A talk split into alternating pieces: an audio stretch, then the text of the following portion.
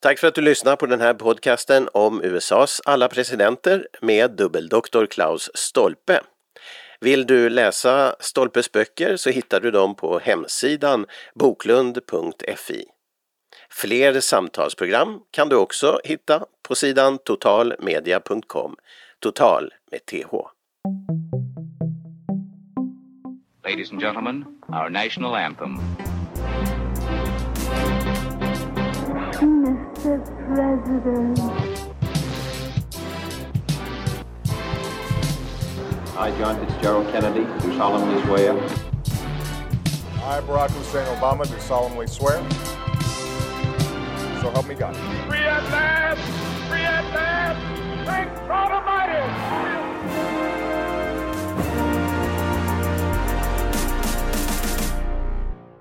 Välkommen till den här podcasten om USAs presidenter, Mr President. Och välkommen till Klaus Stolpe, dubbeldoktor.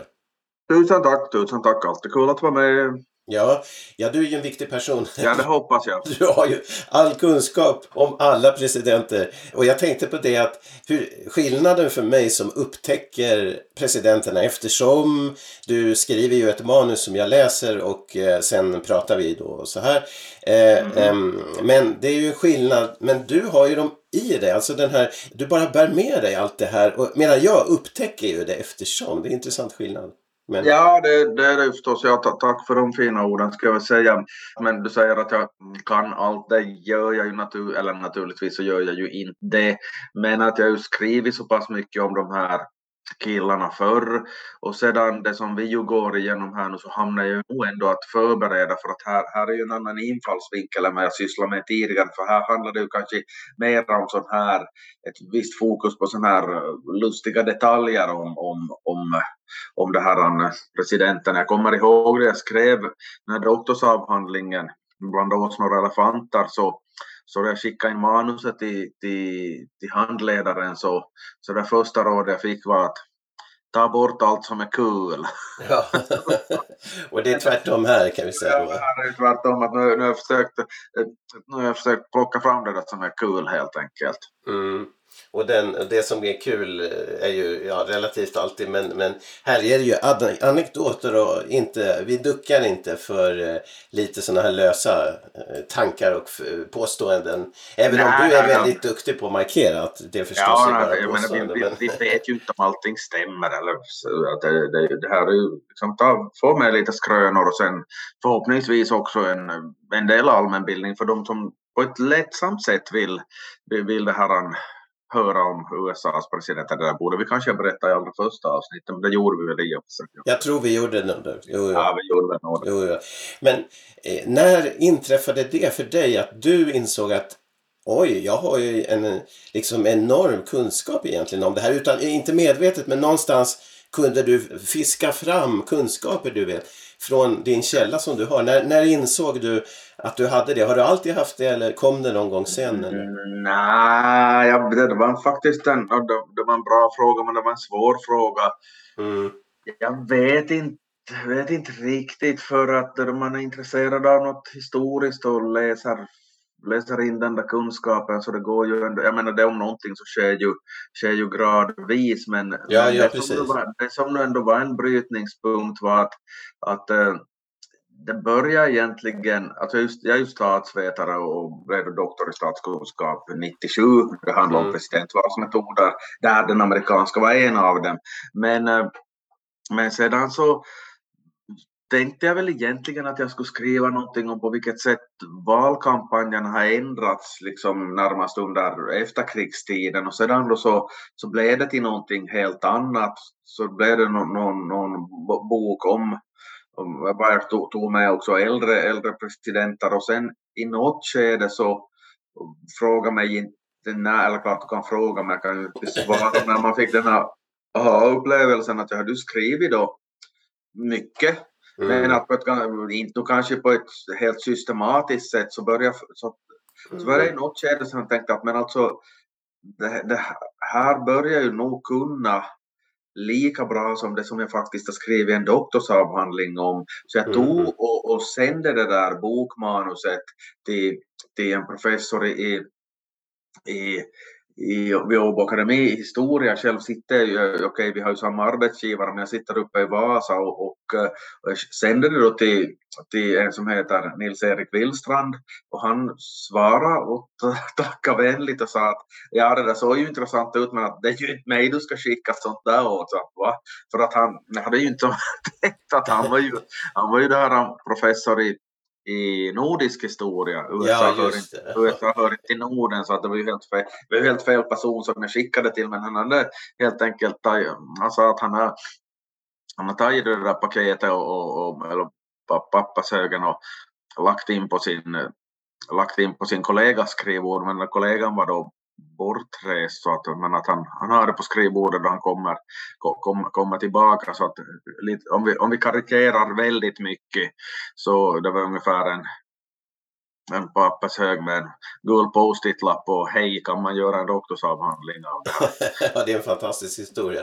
Ja, det, men, det, men, ja. men alltså det, där måste ju, det, för, för att nu liksom nu uh, berätta hela sanningen så att det var ju svar, det svar jag fick var okej, okay, jag läste igenom, det var kul, men att, att det ska ju som göras väldigt mycket för att det ska som duga som en doktorsavhandling, för att det är ju väldigt sådär rigoröst vissa saker som ska följas och, och jag hade ju mera skrivit rakt av så att det är ju om man ska skriva en doktorsavhandling så det är ju inte den där vägen man går utan man diskuterar nog med någon, någon vettig först att hur ska jag lägga upp det.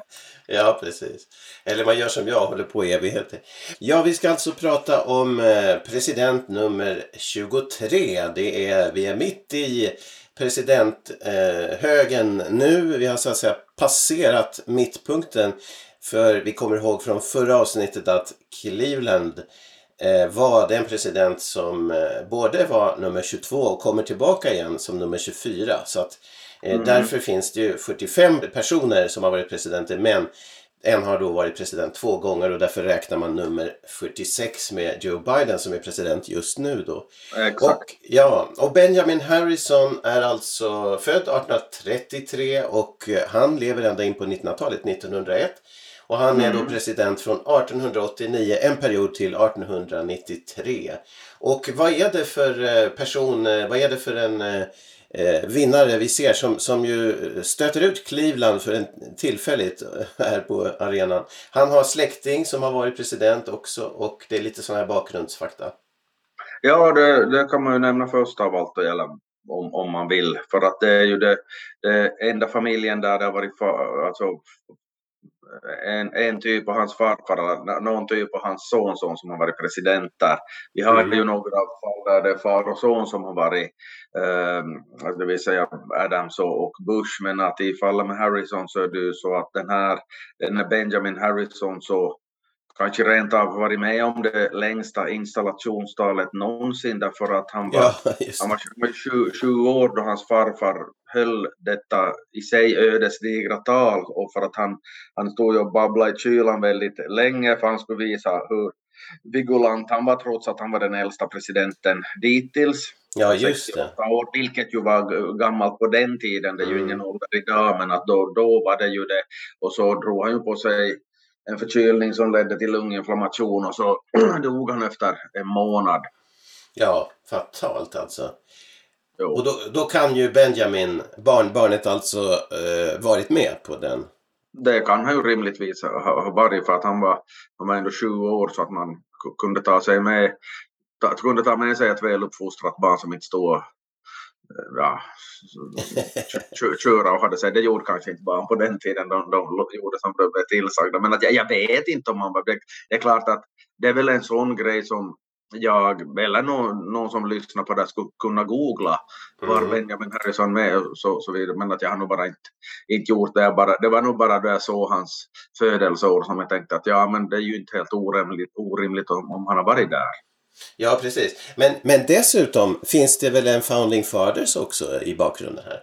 Jo, det, jo, jo, jo alltså det, det, så, så var det att vi går längre tillbaka så, så att har ju nog sysslat med, med, med, med politik helt enkelt. Att, eh, eh, och även den här, så att säga, han som var pappa till Benjamin och son till William Henry, så han sysslar ju också med politik. Man kom aldrig så långt som till, till presidentposten och det är ju det där som kan lite störa mig då man ibland då det dyker upp någon vars föräldrar har varit politiker. Ja, det är någon broiler, att det är dit han sluppit bara för att, att pappa eller mamma har varit politiker eller något, något sånt. Men eh, jag menar i, i någon familj är man intresserad av schackspel, i någon annan av politik och i en tredje så är det någonting annat. Jag menar, mm.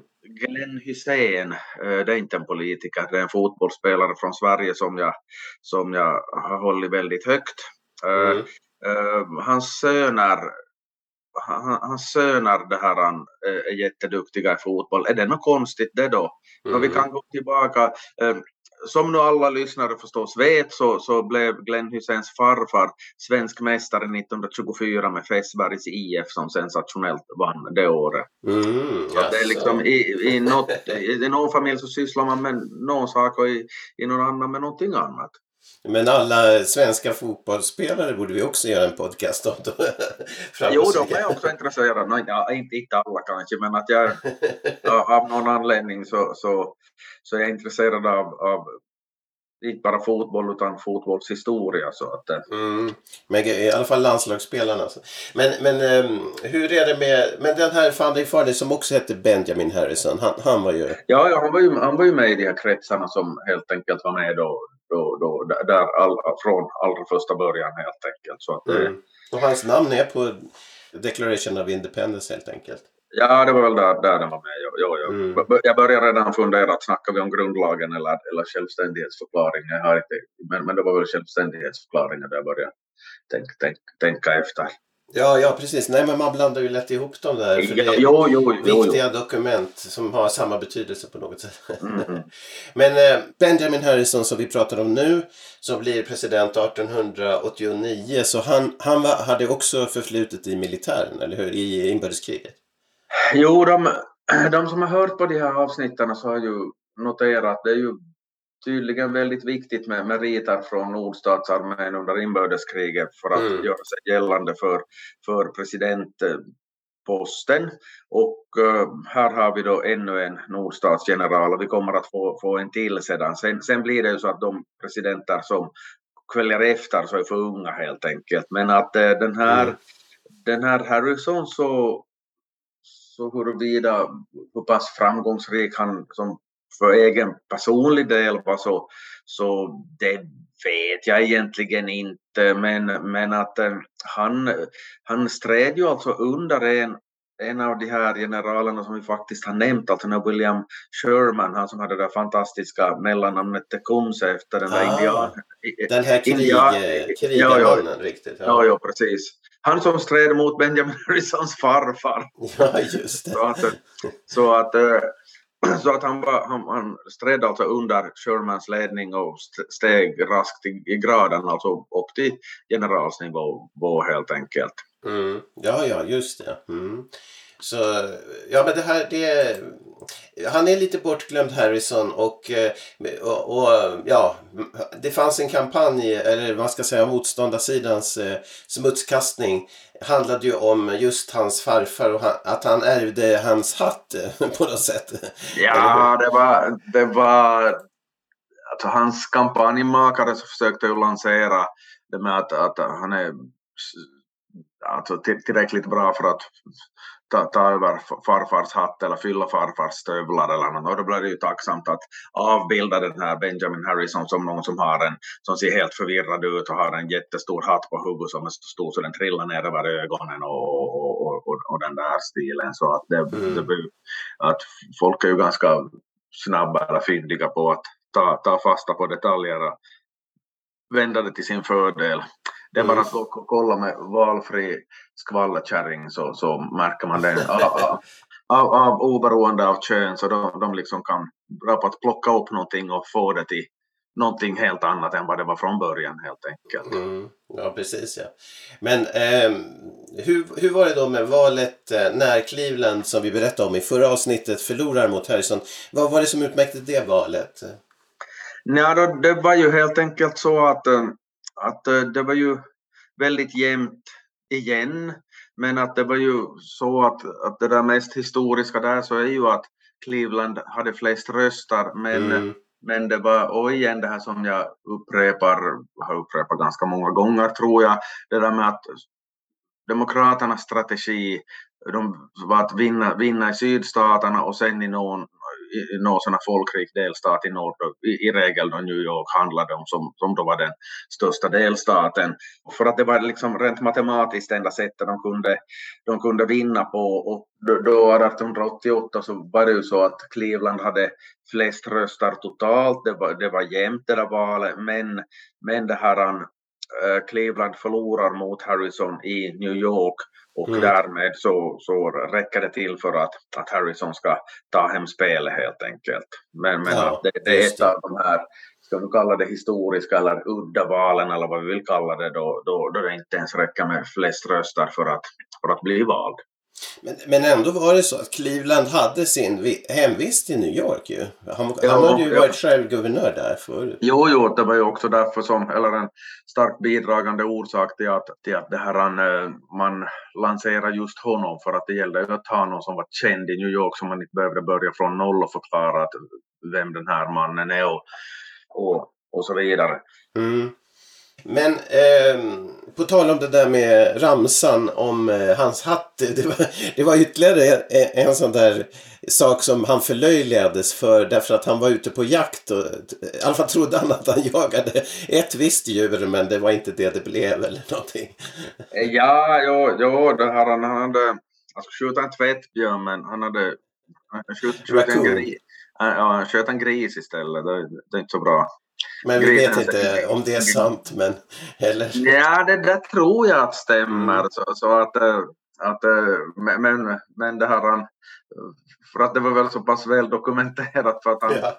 han hamnade ju att ersätta den där grisen åt grisens ägare. det här, ja. Ja, det säger någonting om hans, eh, om hans träffsäkerhet. Men i alla fall. Eh... Det, det här alltså, så understry, då, då, blir det ju också lättare att liksom göra, göra narr av, av honom med just den här för stora hatten eller att han går omkring mm. i för stora stövlar eller, mm. eller, eller någonting sånt. Så att det formligen inbjuder ju till att, till att förstärka den typen av, av bild med, med, med den där kan. Ja, ja precis. Och, men men ehm, den här tiden är ju väldigt, eh, och det har vi märkt redan eh, tillbaka förstås med de här skämtteckningarna. Vi har ju pratat om det att man häcklar sin motståndare med ramsor och på andra sätt smutskastar. Det som vi också märker idag så var ju redan då aktivt och blev mer och mer jag tycker från Andrew Jackson att vi har märkt det där eh, smutskastandet allt mera. Och de här, det är jättemånga olika sådana där skämtteckningar om Harrison också man ser på nätet. Man kan hitta ja, det, den stora det, hatten och allt ja, det. Precis, det stämmer faktiskt. Att om man googlar, sen att man slår in en, eh, namnet på en president och så sätter man cartoons eller någonting sånt efteråt. Så det finns, det finns jag tror nog att det är lättare att hitta om Harrison än, än om många andra helt enkelt. För att det, mm. det tycks ha funnits. Och, och, det är ju klart att i, vid den där tidpunkten så det är också sådana grejer som vi nu kanske inte betonar allt för mycket här, men, men alltså USAs befolkning växer ju något, något kopiöst under de här åren där, därefter, även för all del före inbördeskriget, men att, att, att men, men även efter inbördeskriget så, så, så dras ju folk dit. Och sedan så utvecklas väl också den här tryckerikonsten så att, och kanske för, för all del läskunnigheten också och, och det här, men, men det betyder att det finns ju mer tidningar och, än, än, än tidigare. Det, det, det, finns en större publik för det så att det, det, det är kanske inte så konstigt om man hittar mer sånt jämfört med om man kollar med 1840 eller 1850-talet, även om det var väldigt infekterat då på den tiden, men att det, utbudet är antagligen större helt enkelt. Mm. Och, ja, och sedan så kan man ju också uh, anta, utan att jag har kollat upp det, men att någonting som, som gör alltså för, som gör den här genomslagskraften, eller ger genomslagskraften i skämtteckningarna en större potential att, att det måste ju vara en ganska stor andel av befolkningen i USA som inte kan engelska eller inte kan kanske läsa. Mm. Men att en skämtteckning förstår man ju och så frågar man då av, äh, av, av, sin kompis som kanske har lärt sig engelska och varit där några år längre att, att att uh, vad är det här för någonting? Ja, ja, det, det är presidenten som är, är, lite dum i huvudet, att han har en, eller varför har den här gubben på bilden en för stor hatt på sig? Ja, ja, men att, han, att det var president, att han, han, han sköt en gris i misstag, att han är, han är lite dum, eller något, sånt. Så att det, det måste ju helt enkelt samhället, jag låter som någon kvasifilosof här nu, men det kan jag väl bjuda på, men att det, det, jag, tyck, jag tänker mig att den den utvecklingsfas som USA var inne i så väl formligen inbjudit till, till den här typen av teckningar snarare mm. än att nu Harrison skulle ha varit mer korkad än, än, än, än andra presidenter. Mm, nej, nej, precis. Så är, det, så är det säkert. Men, men eh, det som kan anmärkas mot honom om vi tittar på personligheten eh, innan vi går in på det som hände faktiskt eh, i landet så, så det var väl att han var inte en eh, så jättesocialt begåvad, i alla fall så här privat, eller hur? Nej, det där är ett väldigt utmärkande drag uppenbarligen eller åtminstone så har man tagit fasta på det mer än med andra presidenter därför att han, han eh, han ska ha varit alltså helt magnifik på att hålla tal. Ja, just Men, men liksom på, på tu man hand, alltså det här som vi kallar för small talk även på svenska idag, alltså att, att, eh, som är nog så viktigt för en politiker. En som inte klarar av det så har nog svårare att, att göra sig gällande. Att vi kan ju tänka oss en, en ledamot i Sveriges eller Finlands riksdag som, som inte är pratsam och, och, och, och, så vidare. Så att, att nu, nu, blir det ju svårare att, att göra sig gällande. Det räcker inte med de här liksom, goda idéerna om inte du kan framföra dem. Och, mm. Eh, och det, det, det, men att då Harrison pratade med någon på tu man hand så det sades att, att då han tog i hand så, så, så det hette att det var som att krama en vissnad petunia. och han, han kallades för the human iceberg, alltså det mänskliga isberget.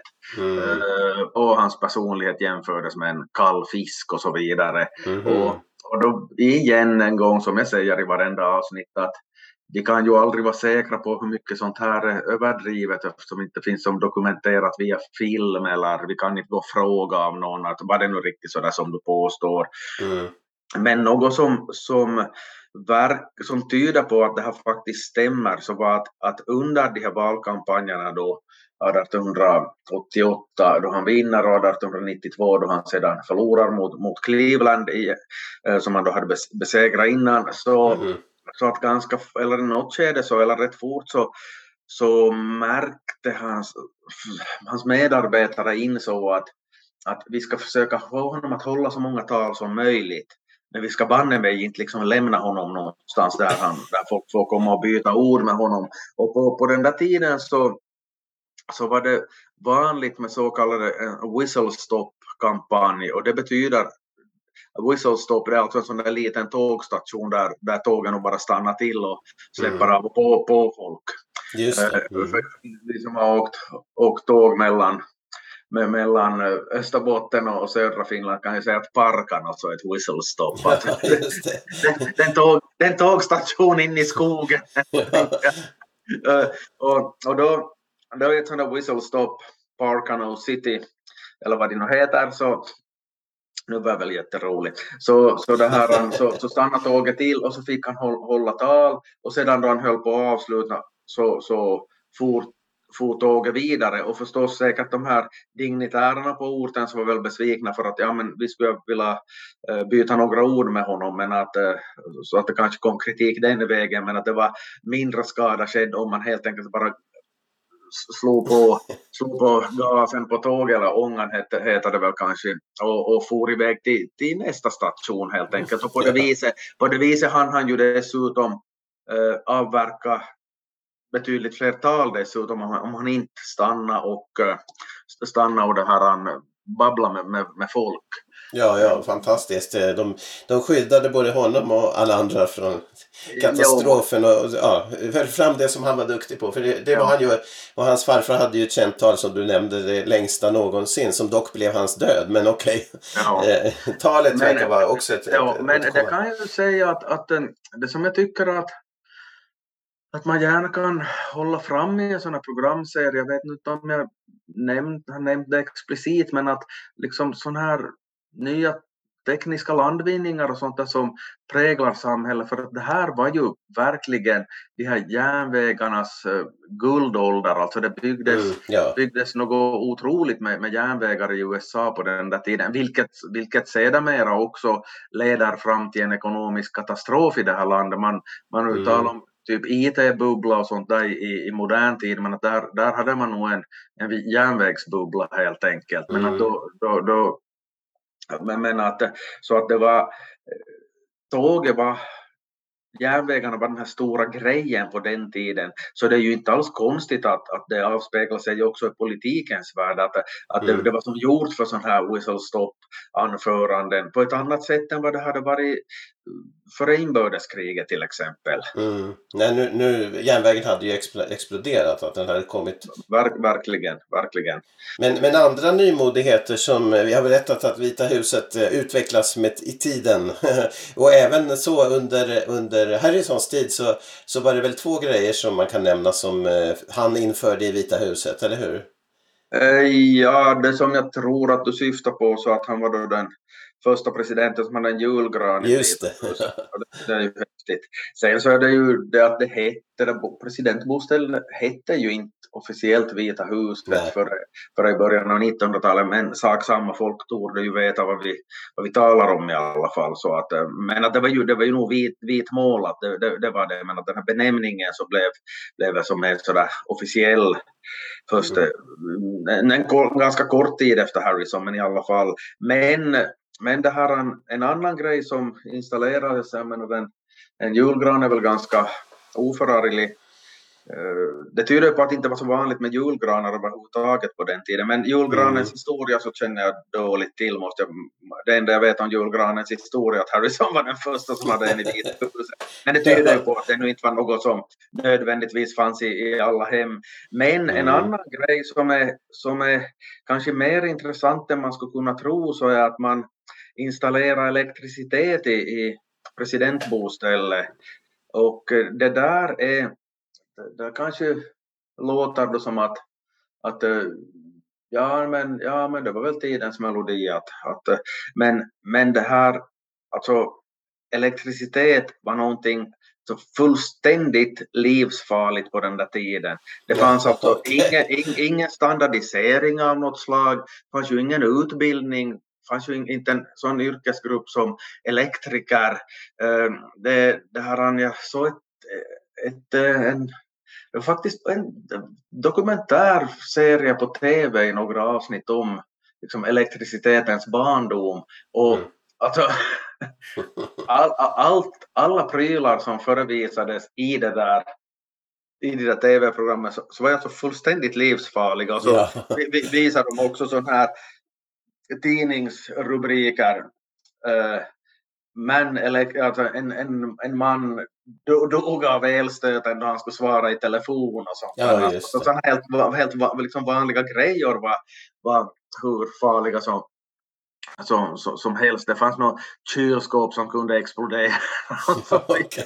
för att det var kombinerat med något gas. Och något, det, var, det var helt, helt makabert det där tv-programmet. Nej men det är ju intressant om man jämför idag med självkörande bilar och olyckor med dem eller jag menar nya tekniken, hur ska vi hantera den? Säkert var det så. Men man undrar hur pass säker elen var när han drog in det i, i presidentbostädet då? Om, om det hade kommit ja. till en viss säkerhet eller om det var just som du säger livsfarligt? Där. Jag tror att, jag skulle påstå att det där var så pass elektricitetens barndom så att mm. Och nu vet vi ju inte liksom hur mycket de drog in där. Det kan ju ha räckt med en lampa för att testa att det funkar eller något, mm. Något, något sånt. Och sen, sen man ville väl inte riskera att, att, att presidenten skulle dö av att han går och, och knäpp, knäppa på en strömbrytare som är livsfarlig eller något, för att det inte är jordat eller något, något liknande. Så att, att vi, vet, vi vet ju alltså inte omfattningen av de där elprylarna. Så jag misstänker man har nog skyndat långsamt därför att de som har installerat det så måste ju ha vetat, eller naturligtvis hade ju vetat om att det ändå inte var helt, helt ja. tryggt. Ja, precis. Ja. Och Men, vid den ja. tiden så, så hade nog inte den där standardiseringen kommit kom, kom, kom, kom, kom igång. Nej, nej, så var det ju. Det var ju olyckorna gjorde ju att man liksom skapade, mer säkerheten kom ju av det att det hände Absolut. grejer förstås. Jo, jo, jo, Ja. Men, eh, men okej, till, eh, till hans tid som president då. eh, Hur var det, det här med att USA blev större, berätta om det. Ja, no, det handlar ju om det att liksom, sånt där som ståltillverkning och liknande som rationaliserades ju. Då kunde man ju också bygga de där stora järnvägarna och det, det fanns arbetsplatser där dåligt avlönade, ja, men att, att det, det, det drog till sig folk från olika delar av världen så befolkningen blir ju betydligt större helt enkelt. Och sedan så har vi ju då också de här kapitalistbaronerna, eller vad vi nu vill kalla dem, som då börjar riskera att eh, få monopol på vissa marknader. Eh, det fanns ju den här Andrew Carnegie, alltså Mm. den stål, stålmagnaten som, kom på, som lanserade ett nytt, nytt sätt att tillverka stål på så att att, eh, att han blev ju storm, stormrik Mm. eh, och, och så vidare och så vidare. Men då är det ju det att eh, i vissa branscher så, så var ju en del, kunde någon aktör vara så stark så att, eh, att eh, ett ut tre kunde ha monopol på, på en, en marknad. Och det där börjar man se, se under, under Harrison så att då, då det här så, så stiftades den här eh, första så kallade antitrustlagstiftningen eller anti, antimonopollagstiftningen. Mm. Det, det kom mera sedan under, under det här Theodore Roosevelt och icke minst den här William Howard Taft men att, eh, att eh, det, det var så att det, det kom då vad hette det nu, Ant, Sherman Antitrust Act eller nå, nå, nå, någonting sånt där under, under Harrison. Och det är ju den här Sherman som vi har pratat om, om tidigare, alltså inte bara den här generalen utan hans bror som, Ja, som var aktuell, Ja, ja. precis, aktuell för presidentvalet 1880 men förlorade och, och, och så vidare men att blev ändå en, en framstående politiker så att det, det, det, man börjar se här att, att äh, saker och ting måste regleras helt enkelt. Inte, Mm. för att, inte för att helt enkelt ta koll på kapitalismen Nej. eh, men, men, men för att helt enkelt reglera de här värsta avigsidorna med det. Ja, precis. Att hålla den faktiskt vid liv egentligen så den inte kantrar. Ja, pre- pre- pre- precis, precis, precis. Och, och, och det här som vi kommer att, att få se, så det är mera snack om det sen då vi, är, då vi kommer in på Theodore Roosevelt och William Howard Taft. Men att här kom då den här första, att man konstaterar att vi, vi liksom måste börja reglera det här på något, Mm. på något, något vis för att det, det, det, här, det här går inte för sig.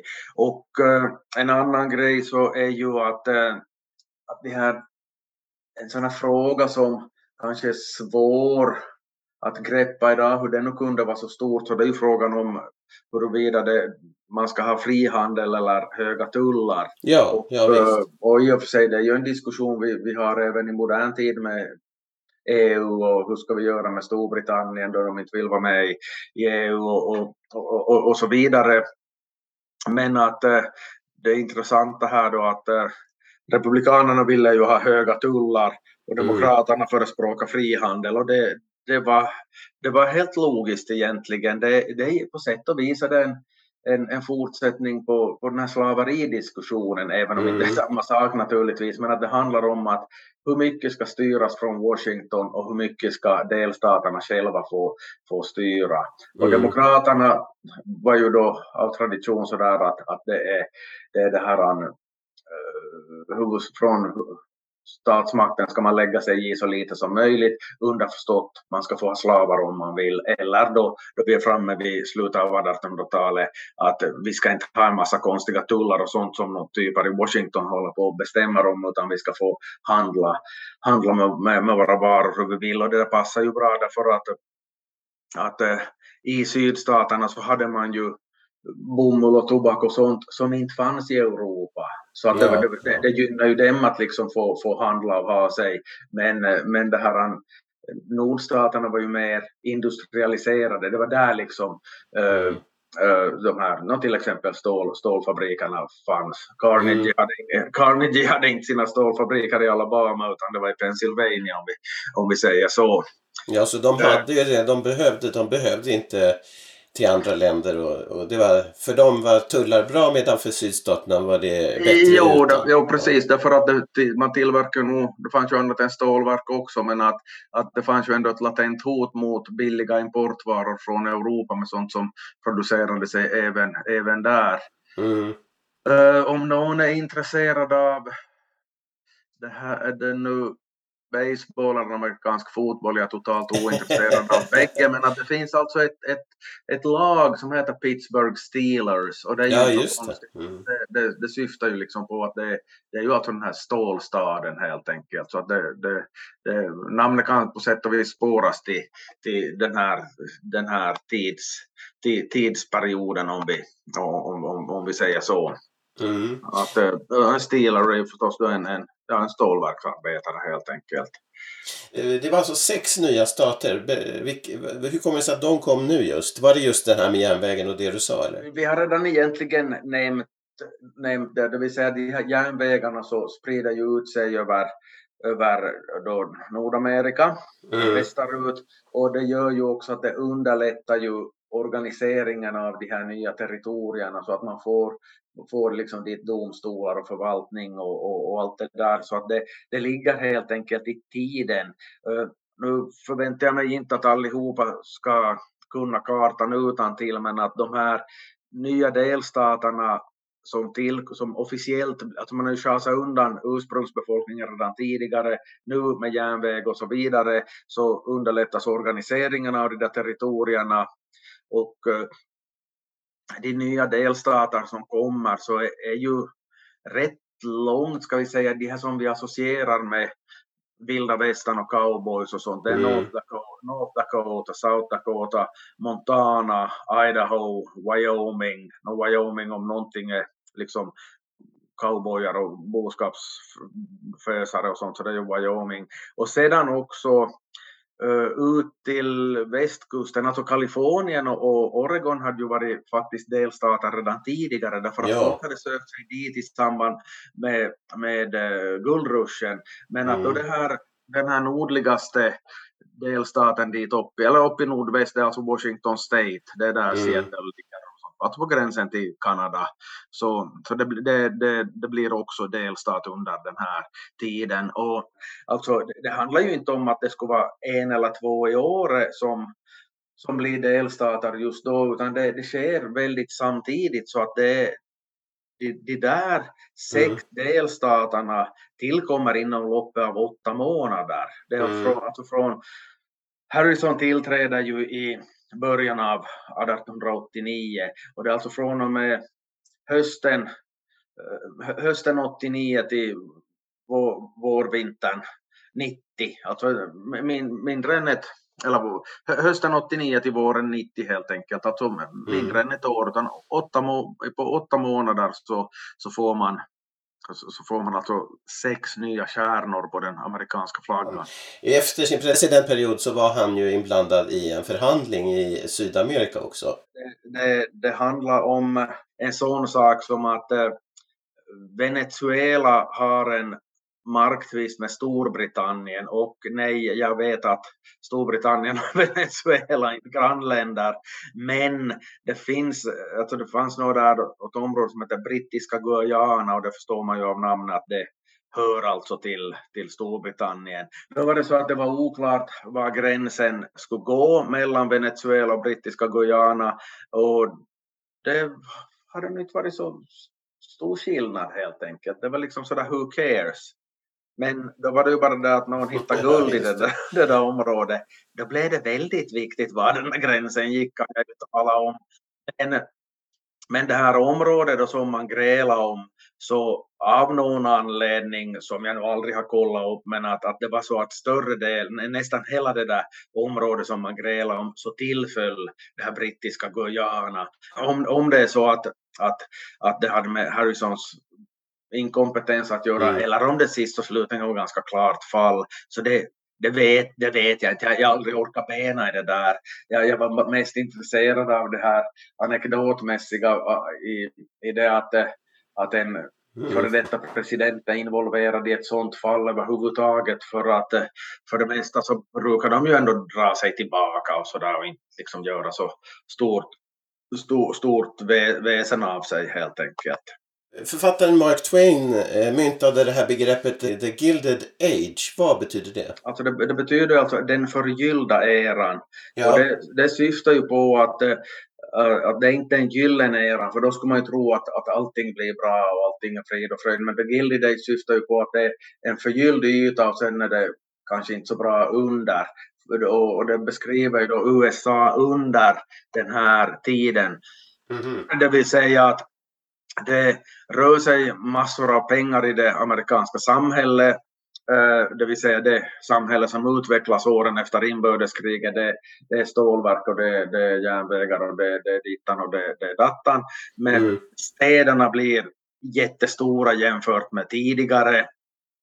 Och den här författaren Mark Twain då så, så talar om att kallar det för en, en, en gilded age, in, in, ingalunda en golden age. Och Mm. det, det kan jag ju berätta här för de som bor i Finland eh, så har tillgång, tillgång till, till alltså Yle, Yle Arena, det motsvarande som SVT Play bara till Finland.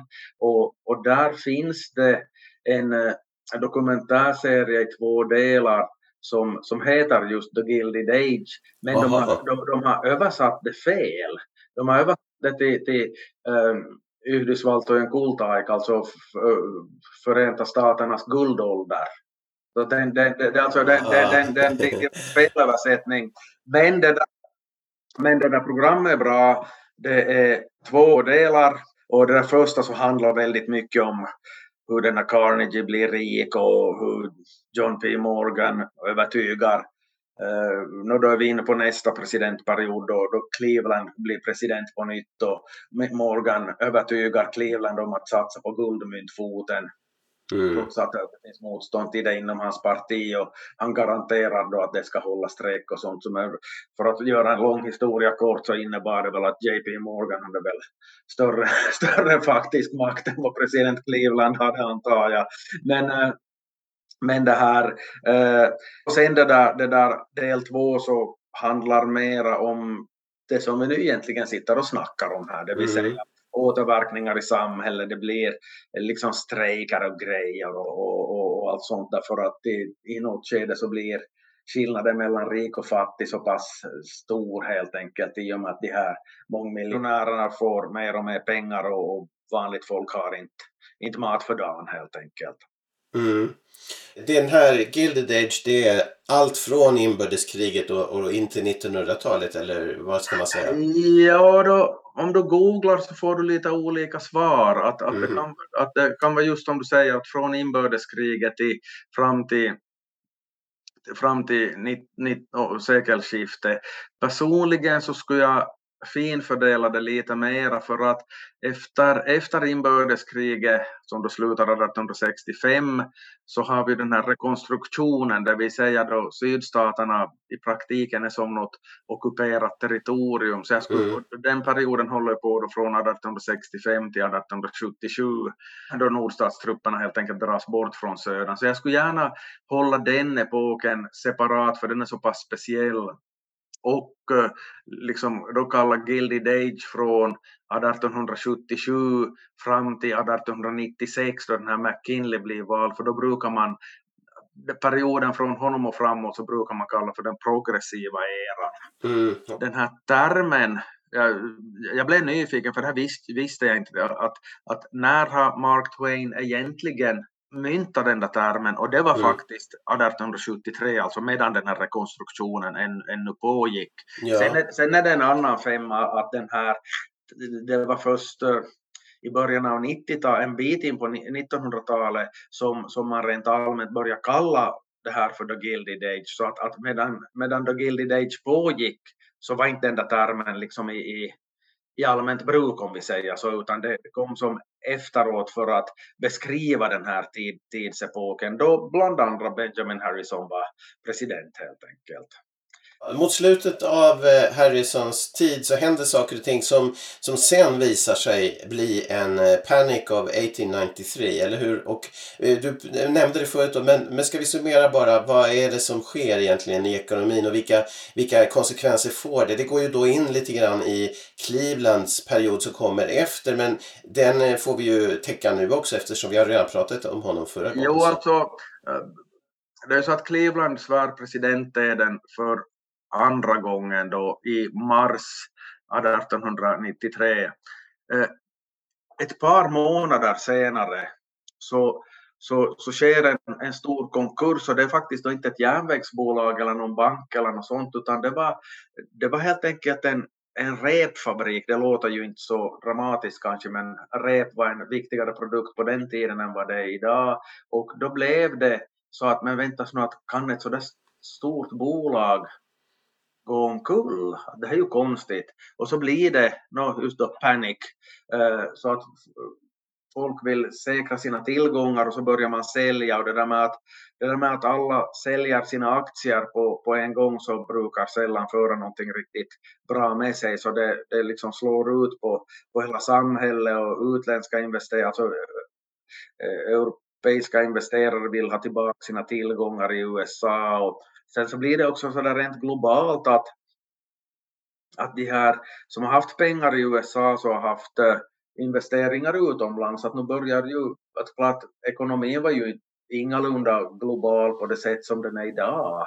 Naturligtvis mm. inte, men att det oaktat så, så investerar man utomlands och, och det var av någon anledning i Argentina, Sydafrika, Australien så, så gick det dåligt samtidigt. I Argentina var det bland annat någon skörd som hade slagit fel och sen någon sån här statskupp som var lite konstig och något, något, något sådant. Så att, att de amerikanska investerarna så tappade, tappade pengar utomlands och plus då att de då europeiska investerare som hade investering eller intressen i USA märkte att det går inte så där riktigt bra där så försökte ju de ju rädda vad som räddas kunde så att det blev ju en sån här eh, kedjereaktion helt enkelt.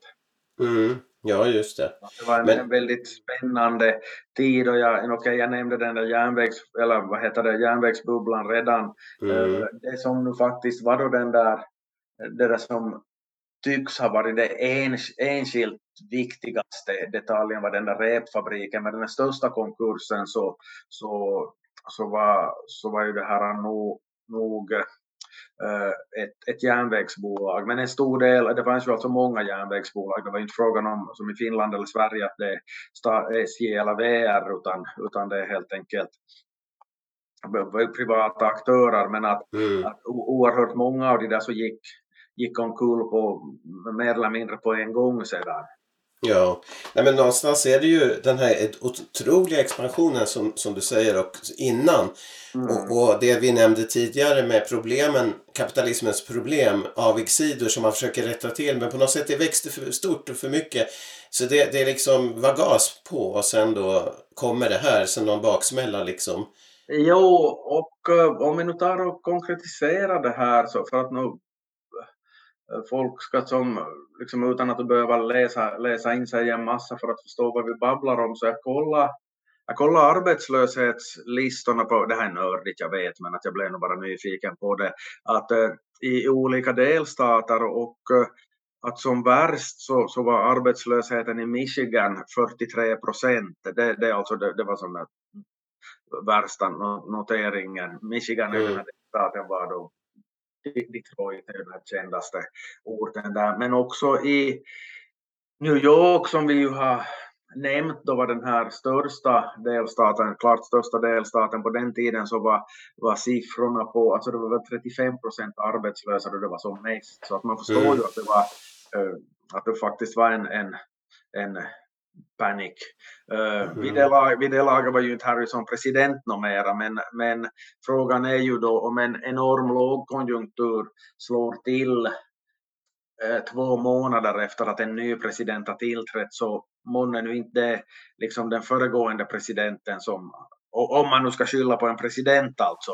Så, jo, jo. Så, så, klart, Cleveland så kan väl anklagas då för att inte ha fått ända nu vagnen och gjort tillräckligt mycket åt, åt, åt allt detta men, men men att, att den här lågkonjunkturen så att säga inträffa så, så kan man ju inte skylla på honom. Inte säga, inte säga att det nödvändigtvis är, är, är det här uh, vad heter det, Harrisons fel heller, men att även om jag nu inte är någon nationalekonom så att då jag nu försökte, då jag läste om det där i, i något, något skede så att, eh, att det som folk pekar på, alltså sådana som, som kan antas kunna det här. Så dels är det den där repfabriken som startade den där själva, själva paniken, men att om man går lite tillbaka i tiden så är det Ja, i, i, vi nämnde den här Sherman Antitrust Act. Det fanns också något som heter Sherman Silver Purchase Act mm. som, som äh, drevs igenom 1890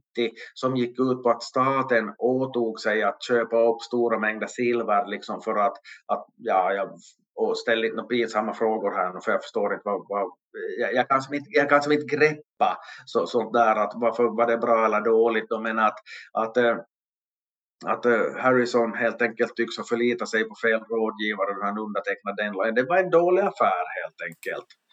Okay. Och som det nu, jag menar det, det är liksom um, bättre att köpa en sommarstuga då de är billigare och sälja, sälja då de är dyra men att det med då man sitter med facit i hand så jag brukar säga att lottoraden är väldigt enkel om man hittar den i Vasabladet på söndag morgon. Ja. eller, eller Sydsvenskan eller vilken Västerbottens-Kuriren, vilken tidning man, man, man har. Så att då, då, är det, då, är det liksom, då är det enkelt. Mm, ja, precis. Men eh, Harrison, alltså en bortglömd tillfällig president, men mycket hände och mycket kom att hända på grund av hans period, eller den tid som rådde. Det var någon slags ett steg vidare kanske på moderniseringen med de här lagarna som vi har pratat om och eh, ja, de förhållanden som rådde Eh, med ekonomi och så. Det, det, är en modern tid ses och han är också den första presidenten förresten som dör. Eh, han, han lever ända in på 1900-talet. Han, han dör, vad jag läste förresten också, just i någon form av influensa eller förkylning. Precis som ja, hans farfar. Okej. Okay. Ja, ja, ja, Jag vet inte vad det var riktigt. Men, men i alla fall, eh, vad säger du om Harrison då? Ganska viktig liksom börja på den, början på det moderna men han får ändå inte så höga poäng eller vad får han? Nej, inte, inte han ju någon, någon det här, han, han är ju inte ens känd. Okej, okay, mm. som jag sagt om, även om Cleveland, och Cleveland är nog mer ihågkommen än Harrison, men att, att eh, de här totalt bortglömda presidenterna så behöver ju inte nödvändigtvis vara de, de allra sämsta.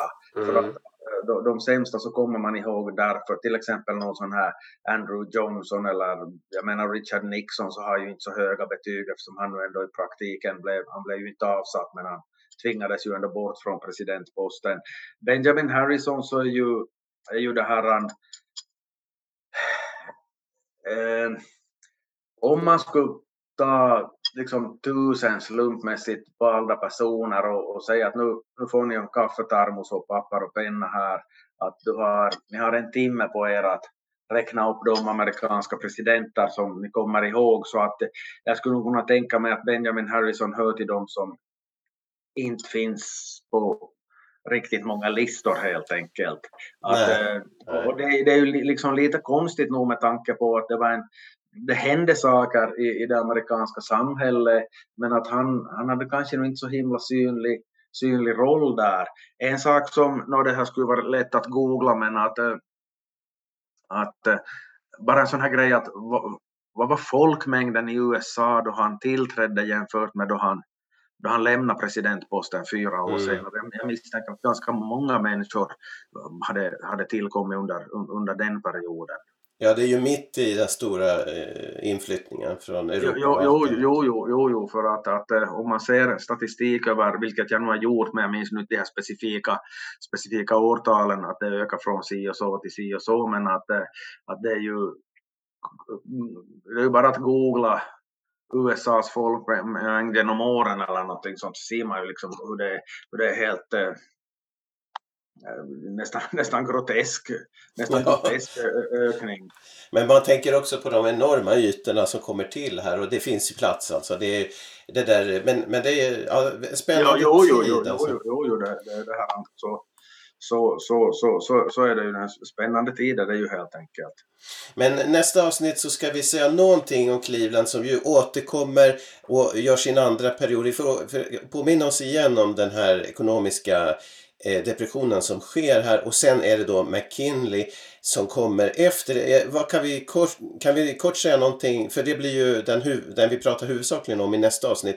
Är det någonting att säga om McKinley redan nu som vi kan för vi ska komma ihåg att, att vi, vi har då efter att Harrison lämnar presidentposten så, så är det Cleveland igen fyra år som är då väldigt mm. präglade av den här, av den här eh, ekonomiska lågkonjunktur panic of 1893 och mm. sedan, sedan då det val på nytt 1896 så då, då har den här frågan om guldmyntfot en, en väldigt stark betydelse och som jag nog redan tillstod så inte är någon nationalekonom och kan uttala mig så mycket om det. Jag läste faktiskt nationalekonomi som biämne då jag studerade men att det är ett antal år sedan. Men du är inte doktor i det? Nej, och jag tror inte att vi diskuterar guldmyntfoten så himla mycket heller.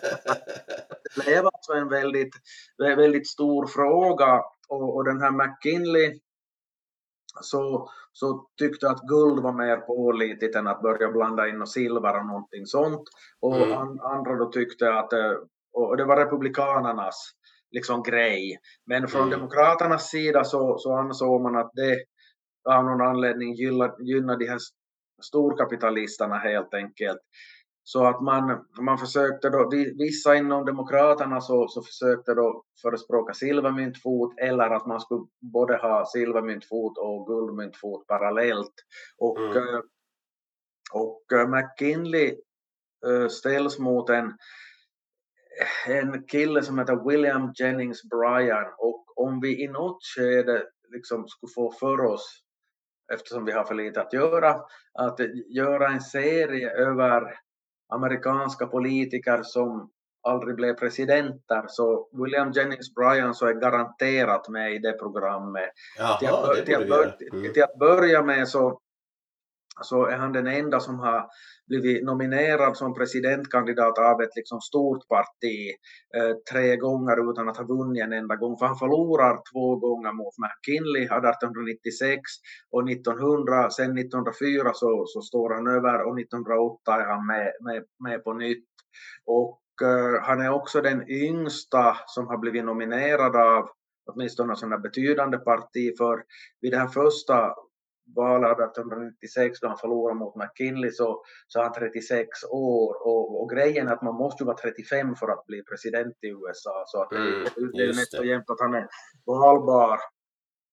Men att det är då William McKinley och uh, jag skulle säga att, att uh, han är kanske inte heller så väl ihågkommen men i, i hans fall så, så tror jag att det beror på att sen hans efterträdare Theodore Roosevelt var så otroligt utåtriktad, extrovert på ett, att han måste ha haft någon sån här typ ADHD eller någonting sånt. Det fanns ju inte sådana, alltså han, var, han var totalt överaktiv. Men att det händer väldigt mycket under den här McKinley.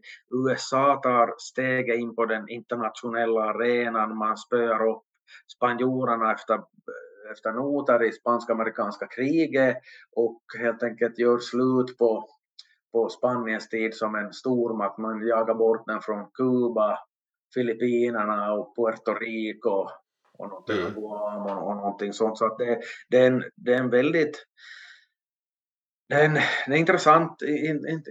Det är alltså en jätteintressant president och eh, jag håller honom liksom vid, ganska högt i, i den amerikanska presidenthistorien.